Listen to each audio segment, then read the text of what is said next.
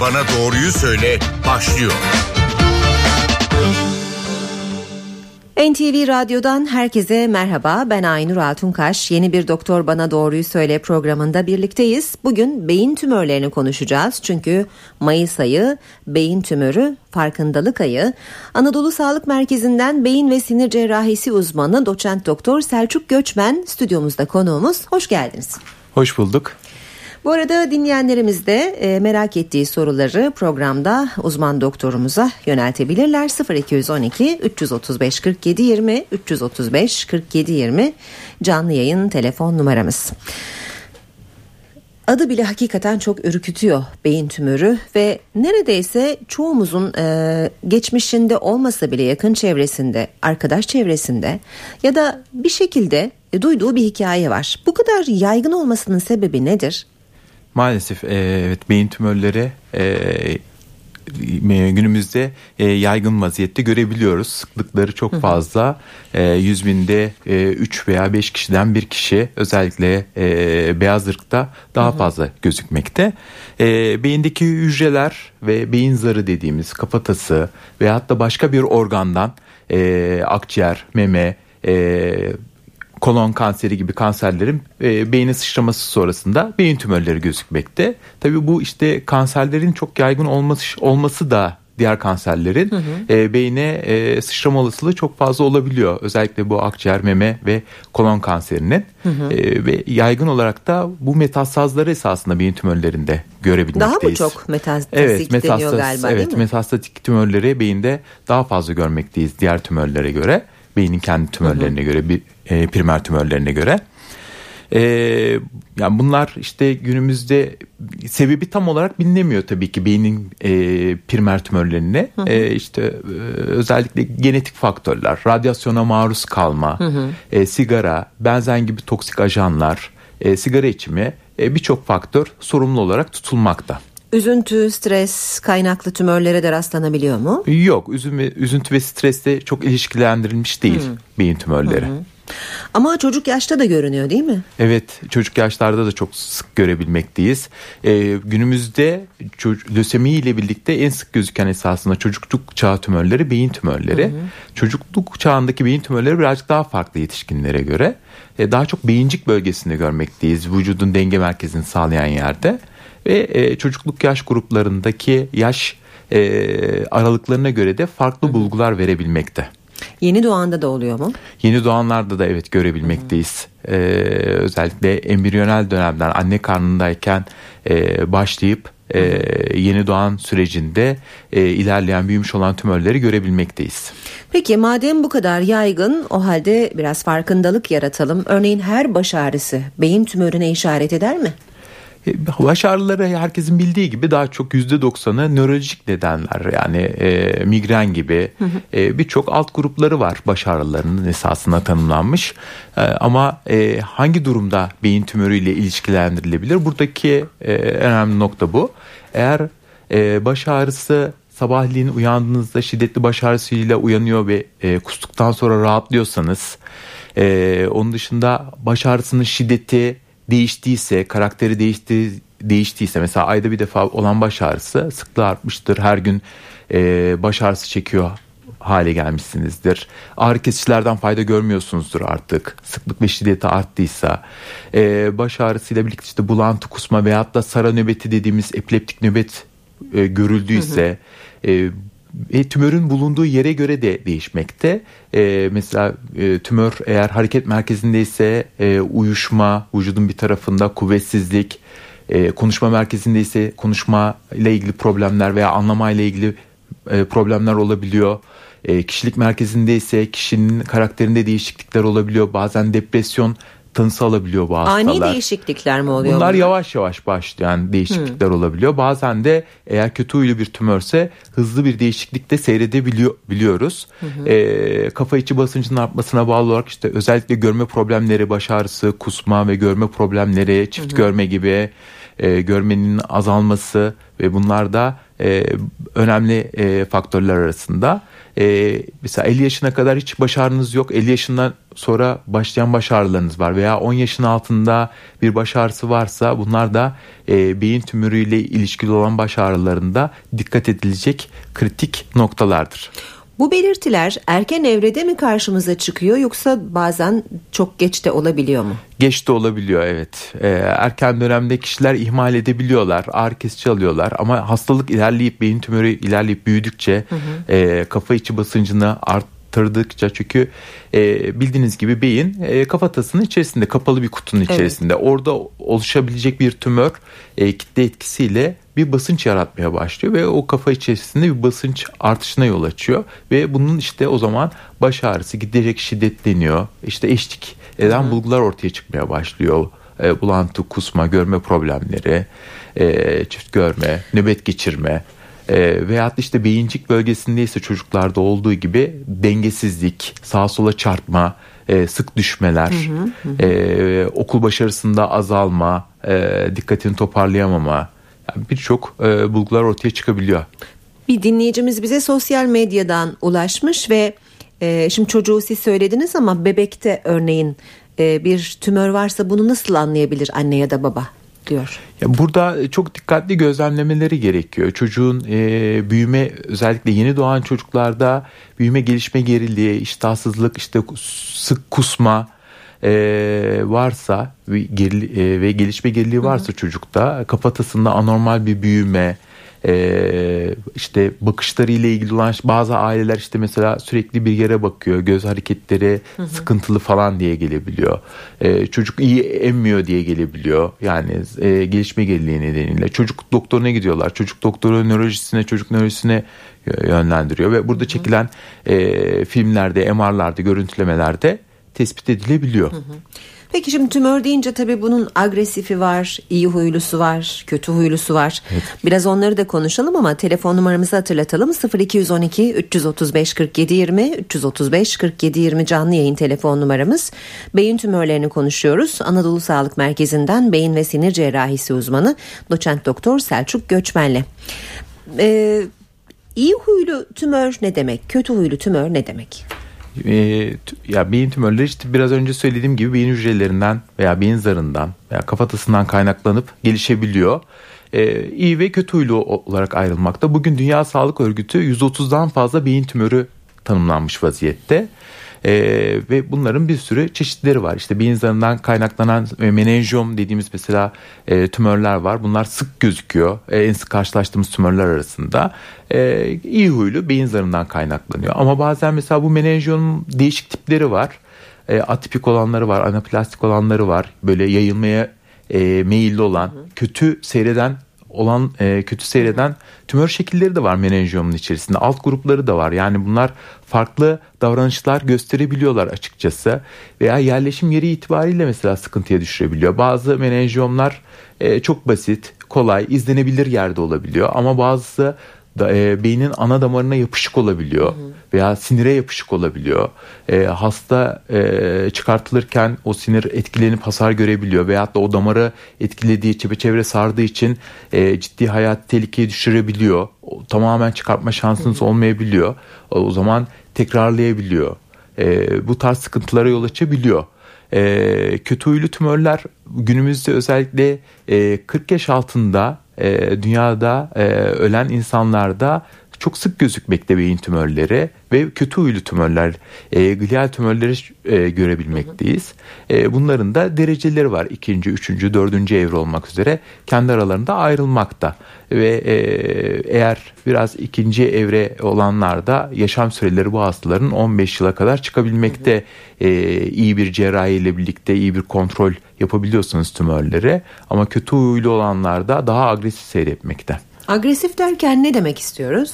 Ee, daha kötü seyretmekte hastanın e, yaşam tehlikesi evet evet e, çok hızlı büyüyebiliyorlar tümörü çıkartıyorsunuz tekrarlama olasılığı da çok fazla oluyor bu tümörün hı hı. E, bunlara agresif tümörler diyoruz biz.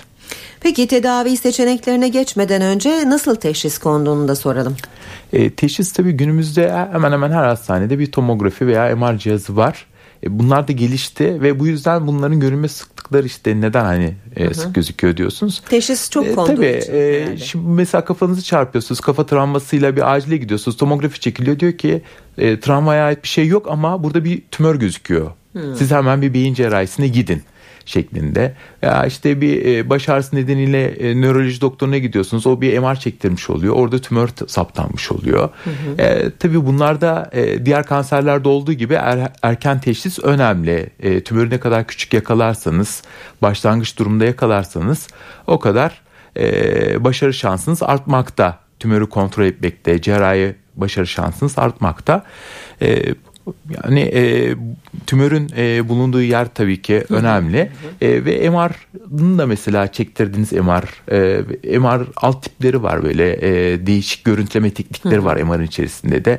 İyi huylu kötü huylu ayrımını spektro dediğimiz bir e, görüntüleme ile yapabiliyoruz MR'ın Yani hani içerisinde. eskiden biyopsi bilirdik ama şimdi MR'la kötü ya da iyi huylu olduğu ortaya çıkıyor mu? E, çoğunlukla yani %90 e, tespit edilebiliyor ama çok az miktarda iyi huylu kötü huylu ayrımı yapılamıyor veya ne olduğunu tam kestiremiyoruz. O zaman beyin biyopsisi gerekiyor. E, biyopsi zaten hani bizim rutinde çok yaptığımız işlemlerden birisi. Şüphede kaldığımız e, hastalarda e, o zaman biyopsi yapabiliyoruz.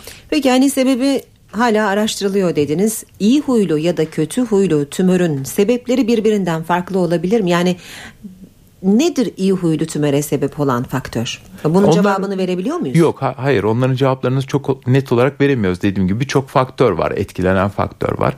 E mesela hani güncel e, bilgiler ışığında konuşacak olursak mesela cep telefonları işitme sinirinden kaynaklanan bu iyi huylu tümörler veya menenjomların risklerini azalttırdığını e, göstermekte bazı çalışmalar ve e, be- e, mutlaka cep telefonlarından uzak kalınması gerekir. Evet, e, konuşma sürelerinin kısa tutulması, işte yastık altında tutulmaması, başucunda e, tutulmaması geceliğin yatarken e, bunlara dikkat edilmesi e, ile ilgili ciddi son zamanlarda e, e, dikkat çeken çalışmalar var ve sürekli bu yönde de biz hastalarımızı uyarıyoruz. Yine dinleyicilerden sorular geliyor ama sosyal medyadan daha çok geliyor bugün. İyi huylu bir tümör daha sonra kötü huylu ya dönüşür mü? Evet zaman zaman bazen iyi huylu tümörler kötü huyluya dönüşebilmekte. Bunları görebilmekteyiz ama çok nadir. Genelde iyi huylu iyi matürde seyrediyor. Ee, kötü huyluya dönüşme dediğim gibi o mesela menenjom biraz önce örnek vermiştim.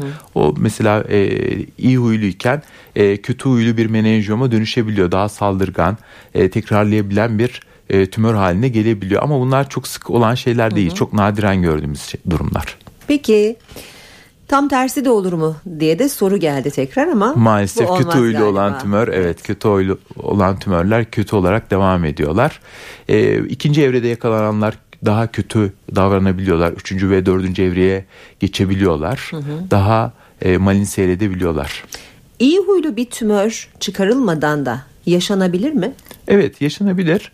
Ee, iyi huylu tümörleri e, biz e, e, hastanın yaşı, tümörün yeri, e, tümörün tipi e, bunları göz önünde e, bulundurarak mesela takip ettiğimiz uzun yıllar takip ettiğimiz hastalar olabiliyor. Hiçbir cerrahi yapmadan takip edebiliyoruz. Bir sıkıntı vermiyor mu peki bu E, tümör? Küçükse boyutları e, çok beynin kritik noktasında değilse e, rahatsız edecek bir durumda değilse e, o zaman takip edebiliyoruz. Mesela yaşlı bir insan 60 yaşında 70 yaşında e, beyninde bir menenjom dediğimiz iyi huylu tümörle geliyor. E, bir sessiz bölgede hastayı rahatsız eden bir durum yok. E, boyutları takip edilebilecek düzeyde.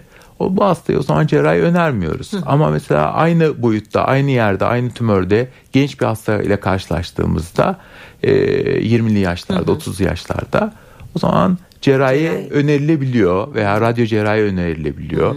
Ama bu dediğim gibi e, birazcık hastaya, tümörün cinsine, yerleşim yerine göre değişiklik gösteriyor. Şimdi e, tabii büyük hastanelerde dünyanın e, iyi olan hastanelerinde tümör kurulları var.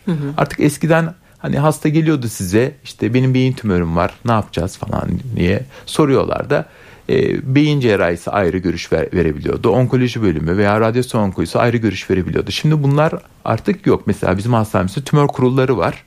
Ve nöroonkoloji tümör kurulumuz var. Bir hastayla ilgili karar vereceği zaman orada çıkıyoruz. Radyoloji bölümümüz, nöroloji bölümümüzden hocalar, e, radyasyon onkolojisi, medikal onkolojiden hı hı. tüm hocalarla birlikte oturup hastanın filmlerini, şikayetlerini e, masaya yatırıyoruz ve orada tartışıyoruz. Hasta için en iyi tedavi seçeneği nedir, hangisidir? Hı hı. Takip mi, e, radyoterapi mi yoksa cerrahi mi? Buna göre genellikle hı hı. karar verilmekte. E, tüm dünyada e, yaygın ve e, uygun e, tedavi seçenekleri tartışılarak hastanın için en uygun olan tedavi hangisi ise buna karar verilmekte.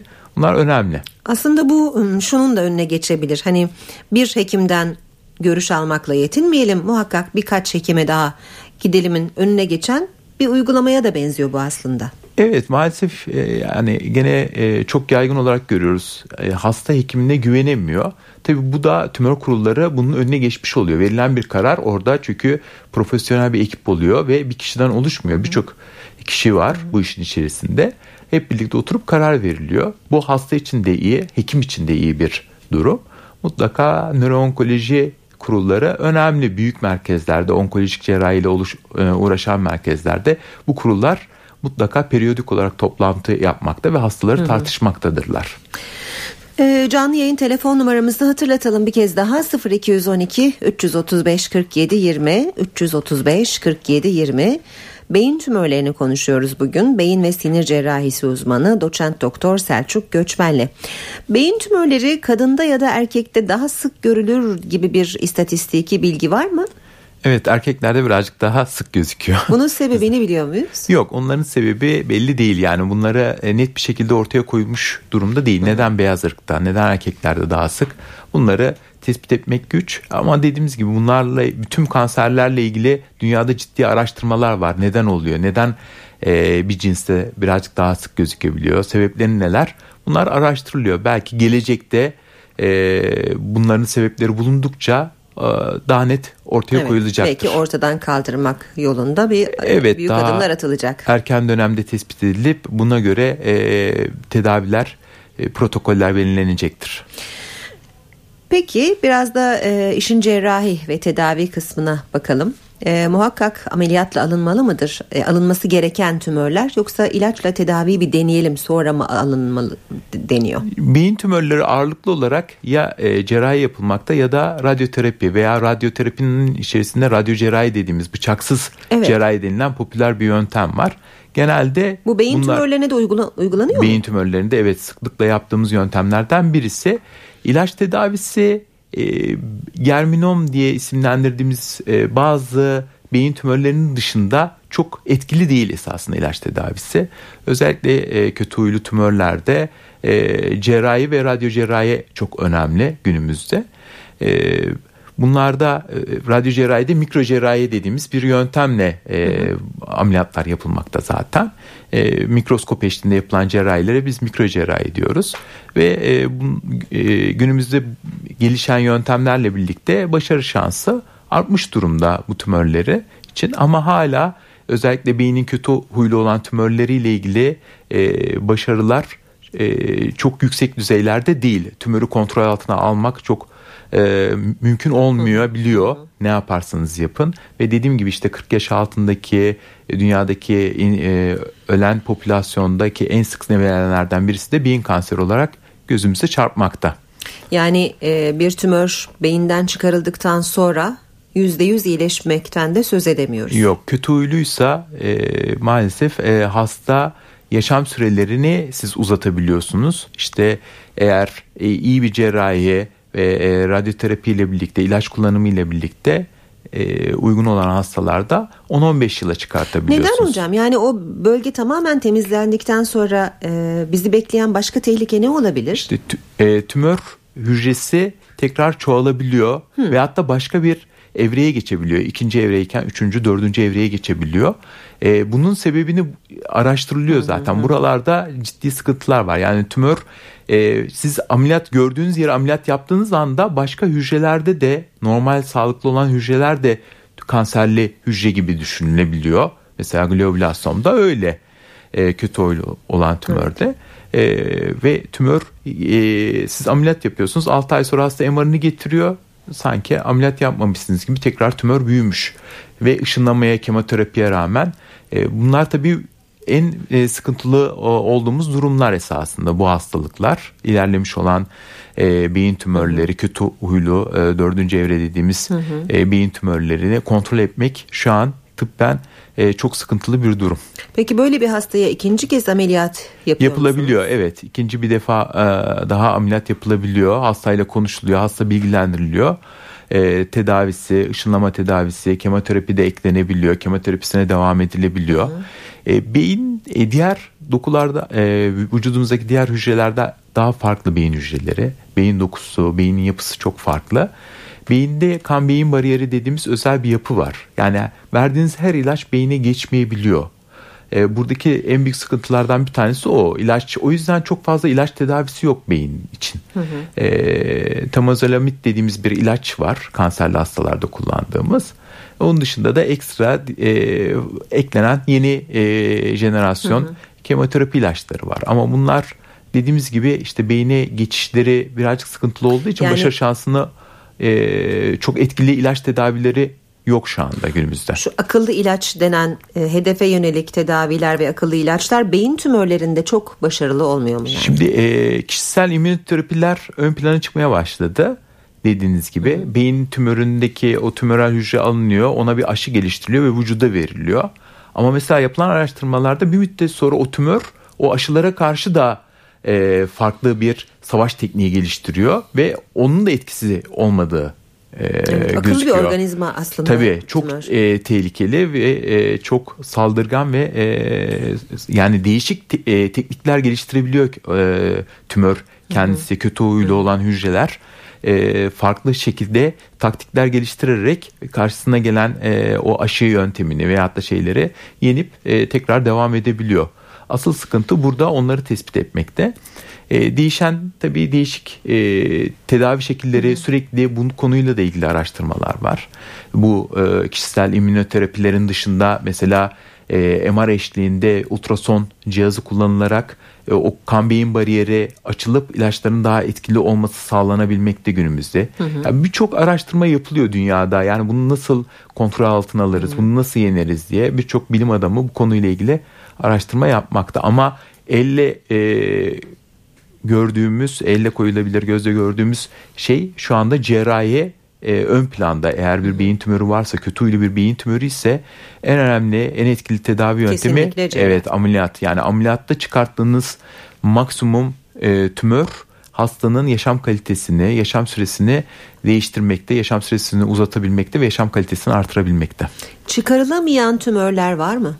Var. Bulunduğu çıkalım. yer itibarıyla mesela. Tabii e, özellikle hani e, beynin e, derin orta noktalarında veya beyin sapı dediğimiz bölgelerde veya hatta e, ana damara dediğim gibi beyni besleyen ana damar yapılar veya ana sinire yapışık olan ve onu çepeçevre sarmış olan tümörler oluyor. Kafatasına ve, yapışık olabiliyor. Kafa, yani kafatasına bazen. yapışık olabiliyor. Kafatasına yapışık olması bir problem hı, değil. Hı, hı. Tümörün büyüyüp o kısımlar çıkartılabiliyor ama özellikle beyni besleyen ana damarlara ve ana sinirlere yapışık olması e, veyahut da beyin sapı gibi dediğimiz e, beynin önemli e, kritik noktası hı hı. E, beynin ortasında merkezinde yer alıyor ve e, bir sürü oradan e, yollar geçiyor. O milliğimize giden yollar geçiyor. Bu bölgelerdeki olan tümörlerde e, maalesef hala e, cerrahi başarılar sıkıntılı e, çıkartıyorsunuz. Hastalarda o zaman e, mortalite morbidite dediğimiz işte hastada bir komplikasyon görülme olasılığı veyahut da e, hastayı kaybetme ihtimali yüksek olan tümörler görmekteyiz. Peki dinleyicilerimizden biri der ki e, büyüyen bir tümör iyi huylu olsa bile beyin kanamasına, ödeme ya da başka bir soruna sebep olur mu?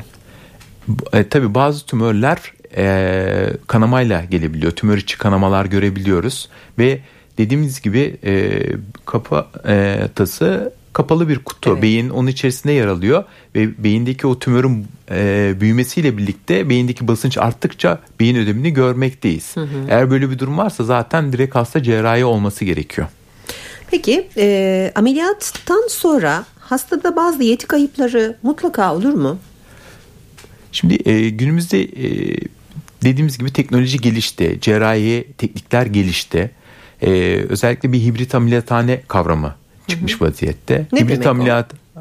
ameliyathane hı hı. E, özel son teknolojik cihazların kullanıldığı özel suite ameliyathaneler. E, burada e, hasta geldiğinde ameliyathaneye girdiğinde nöronavigasyon cihazımız var. Nöronavigasyon cihazı ne işe yarıyor? Bu arabalarda kullandığımız e, GPS sistemi, e, evet. e, navigasyon sistemi yani adresi nasıl gidiyorsanız evet. beynin orada hastanın MR'ını e, yüklemiş oluyoruz ve ameliyata başlamadan önce beyinde tümörün bulunduğu yerin koordinatlarını görüyoruz ve buna uygun hastanın pozisyonunu verip kesisini ona göre planlıyoruz. E, ameliyat sırasında kontrollerimize e, bu navigasyon cihazıyla devam edebiliyorsunuz kullanarak. E, yeni nesil mikroskoplar geliştirildi. Bu yeni nesil mikroskoplar floresan özel filtreli mikroskoplar. E, bu floresan ne işe yarıyor? Hastaya mesela e, kontrast tutan MR'ında kontrastlanan tümörlerde ameliyata başlamadan önce damarından e, özel bir boya veriyoruz ve ameliyat sırasında e, normal beyin dokusuyla e, tümörlü olan dokuyu ayırt etmemizi sağlıyor.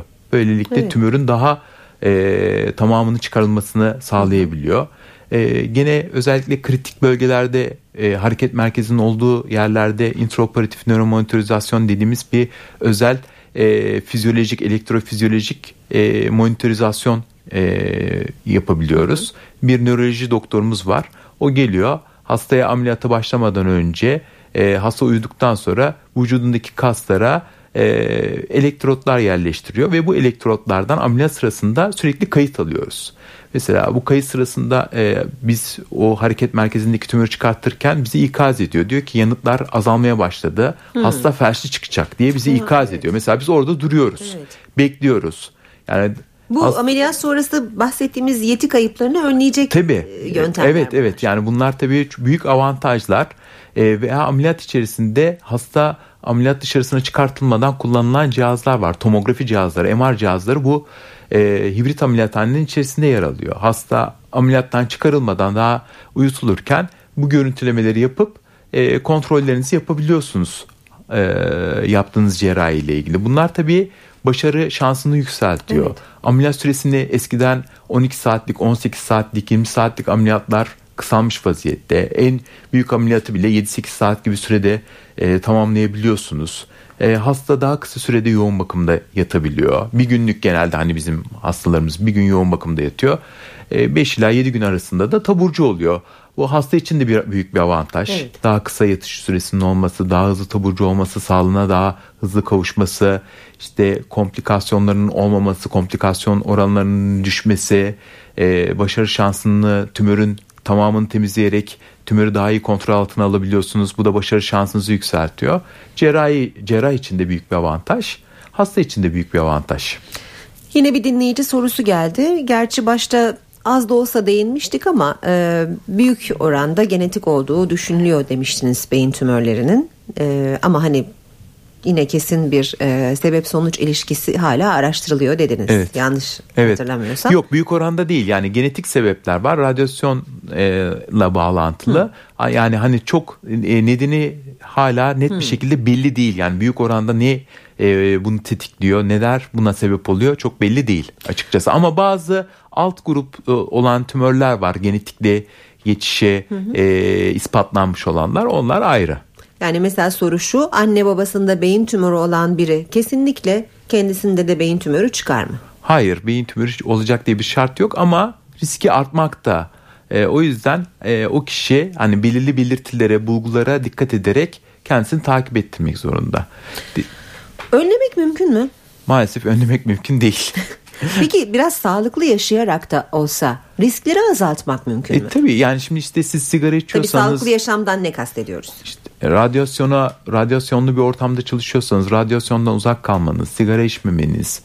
E, çünkü genetik faktörü değiştiremiyorsunuz bildiğiniz gibi. O genlerimizde saklı oluyor. Ama diğer faktörler işte, e, yürüyüş yapmak, egzersizler, e, özellikle organik ve sağlıklı beslenmeler dediğimiz gibi radyasyondan uzak kalma, cep telefonunu çok sık kullanmama bu tarz e, hastalıkları riskini azaltabilmekte. Şimdi hakikaten e, hemen hemen her gün e, tıptaki yeni bir gelişmenin haberini veriyoruz. Muhakkak bir yerlerde bilim adamları çalışıyorlar ve bir takım bulgulara e, ulaşıyorlar. Bunlar tabi bazen tartışılıyor, bazen sadece bir sav olarak kalıyor. Ama yine de bir gündem oluşturuyor. Onlardan biri mesela geçenlerde İngiltere'de yapılan bir araştırmanın sonucu antidepresanlar beyin tümörüne karşı çok etkili deniyor. Bu konuda ne dersiniz? Sizin de dediğiniz gibi yani bu konuyla ilgili birçok dünyanın e, birçok ülkesinde birçok bilim adamı araştırma yapmakta. Ve bunlarla ilgili her gün güncel bir haber çıkabilmekte. Bunu basından görebiliyorsunuz veya bizim baktığımız bilimsel akademik dergilerde çıkan yayınlardan görebiliyorsunuz. Bunlar için e, belirli araştırma kriterleri var. İlk önce hayvan deneyleriyle başlıyor esasında bu araştırmalar. Hayvan deneylerinde başarılı sonuca ulaştıktan sonra e, devletteki e, hangi ülkedeyseniz özel izinler alarak insanlarda uygulamaya başlıyorsunuz. E, bununla ilgili e, o yüzden bu araştırmalar daha net bir şekilde ortaya koyulmuş ve e, klasik bir tedavi yöntemi şeklinde uygulanan e, tedavi hı hı. metotları değil. Hı hı. Bunlar hala araştırma e, kısmında olan e, çalışmalar. Bunları net bir şekilde ortaya koyup rutin bir şekilde uygulamaya geçirmek gerekiyor. E, ama işte dediğimiz gibi özellikle beyin tümörlerinde günümüzde en önemli kötü huylu tümörlerde cerrahi rezeksiyon, e, cerrahinin e, başarı şansı önemli. Dediğim gibi hastanın hayat kalitesini veya yaşam süresini uzatmakta e, en önemli tedavi yöntemi cerrahi olarak görmekteyiz. E, beyin tümörleri başka rahatsızlıklarla e, yani birbirlerine eşlik ederler mi? Örneğin e, Alzheimer'la, Parkinson'la ya da migrenle biri diğerine sebep olur mu? Ee, onlarla da birbirleriyle hani ilişkilendirilmiş net bir veri yok elimizde hı hı. esasında. Ama tabii bu Parkinson hastası veya Alzheimer hastası beyin tümörü olmayacak anlamına gelmiyor. Olabiliyor. Hı hı. Ee, özellikle bazı tümörlerde hasta unutkanlıkla gelebiliyor. Ee, kişilik merkezinin hı hı. olduğu yerlerde, hafıza merkezinin olduğu yerlerdeki tümörlerde. Ee, bu hafıza işte unutkanlık e, demansla evet. işte Alzheimer'la ilişkilendirilebiliyor. Hı hı. Onu artık başvurduğu doktor, nöroloji doktoru hı hı. veya beyin cerrahisi doktorunun bir şekilde ayırt etmesi gerekiyor. Hı hı. Burada belirtilerin karıştırılması biraz sıkıntı olabilir belki. Yani evet üst örtüşen bazı ortak bulgular olabilir ama bunların işte muayene yaparak hastanın şikayetlerini dinleyerek e, konusunda ehil olan bir uzman doktor e, kesinlikle bunu ayrıcı tanısını yapabilir. Peki artık sonları programın e, bazen e, beyinde ödem oluşabiliyor cerrahi müdahaleden sonra. E, her zaman muhakkak e, atıl, e, atılır mı bu ödem yoksa bazen kalıcı da olabiliyor mu? Şimdi e, tümöre bağlı olan ödemler tümörü çıkarttıktan sonra e, kortizon vererek belli bir süre sonra toparlıyor ve kortizonu zaten kesiyoruz biz. E, ameliyat sonrasında da tabii ki cerrahiye bağlı olarak ödem de olabiliyor. Gene aynı şekilde e, verilecek olan tedaviyle belirli bir süre sonra o ödem kaybolur mutlaka. E, hasta rahatlar. Peki. E, son soru olsun o zaman. Madem farkındalık ayındayız, biz neyin farkına varalım? Hangi konuda uyanık olalım? Neleri kaçırmayalım? Ee, özellikle dediğimiz gibi e, programın başında belirttiğimiz gibi e, bir baş ağrısı olan hastalarda e, sabahleyin uyandıklarında şiddetli baş ağrısı varsa, bulantı kusma oluyorsa, baş ağrısıyla birlikte nöbet geçiriyorsa hasta e, veya vücudunda bir tarafında uyuşukluk, kuvvet kaybı, konuşma problemi, görme gibi e, bulgular, kafa içi basıncının arttığı durumlar ortaya çıktıysa e, bu konuları ihmal etmemesi gerekiyor, ertelememesi gerekiyor. E, doktoruna, e, aile hekimine başvurması gerekir. Onlar zaten hastayı mutlaka yönlendireceklerdir. Buralarda çekilecek olan hastalığın erken dönemde saptanmış olması, tümörün daha küçük boyutlarda saptanmış olması, e, beyine çok ciddi bası yapmadan veya beyindeki o önemli damar ve sinirlere sarmadan, onlara yapışmadan e, yapılacak olan bir cerrahi hastanın e, hasta için e, çok iyi sonuçlar elde edilebilir hale getirebilir. E, bu konularda çok dikkatli olmak gerekiyor. E, özellikle çocuk yaş grubundaki hastalarda ise e, mutlaka e, dikkat etmek gerekiyor. Ailelerin çok dikkat etmesi gerekiyor. E, Çocuk çocuğumuzdaki farklılıkları evet, gözden iyi gözlemlemek gerekiyor. Evet çocukluk çağındaki tümörler için Bunlara dikkat etmek gerekiyor. Ben son sorumu sordum ama bir dinleyicimizle isterseniz kapanışı yapalım. Buyurun sizi dinliyoruz. İyi yayınlar diliyorum. Teşekkürler. Sorunuzu alalım. Ee, benim kızım 2014 yılında 10, yaş, 10 yaşındayken e, beyincik 4. ventrikülde medulablastom 4. evre beyin kanseri teşhisiyle ameliyat oldu. E, tamamı alındı urun. Işın ve terapileri biz gördük ama şu anda kızım benim yürüyemiyor. Ee, ben bununla ilgili bir bilgi almak isterdim. Fizik tedavileri devam ediyor. Ee, bazı yani konuşamadı, yürüyemedi. E, fakat e, bu hareket kısıtlılığı e, aza indirgendi. Evet. Ee, ya ben bununla ilgili bilgi almak istiyorum. Şu anda onu fiziğe götürürken araçta hemen radyonuzu dinledim. Hı hı. Ee, hızlı bir şekilde de giriş yaptım. Çok özür diliyorum. Ee, estağfurullah çok geçmiş olsun. Çok geçmiş Teşekkür olsun. ediyorum. Çok Hocam sağ olun. buyurun ne dersiniz? Geçmiş olsun. Ee, kaç yaşında Çok teşekkür kızınız? ediyorum.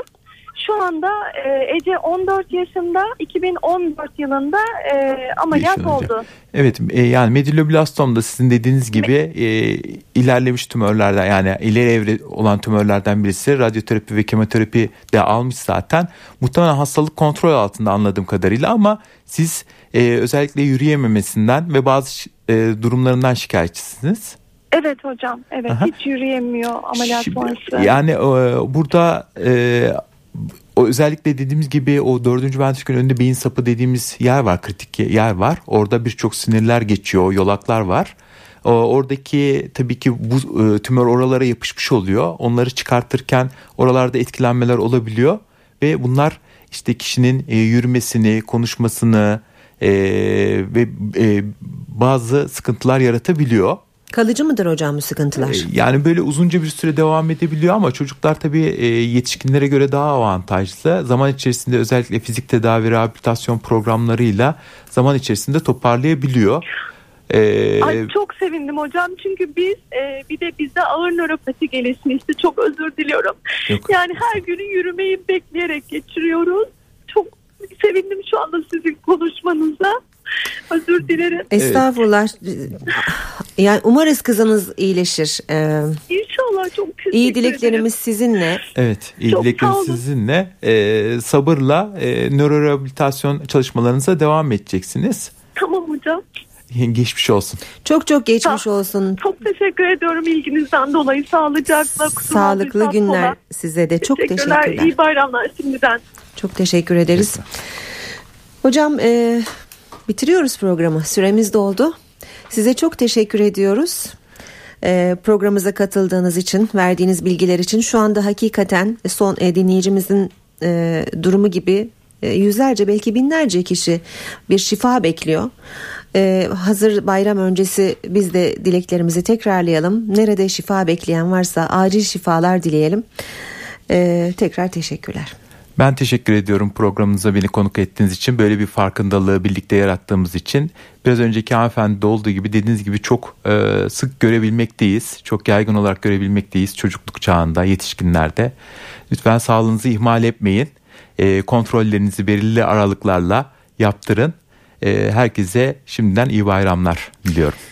Doktor bana doğruyu söyle burada sona eriyor. Bugün Anadolu Sağlık Merkezi'nden beyin ve sinir cerrahisi uzmanı doçent doktor Selçuk Göçmen'le beyin tümörlerini konuştuk. Yeni bir programda buluşmak üzere hoşçakalın.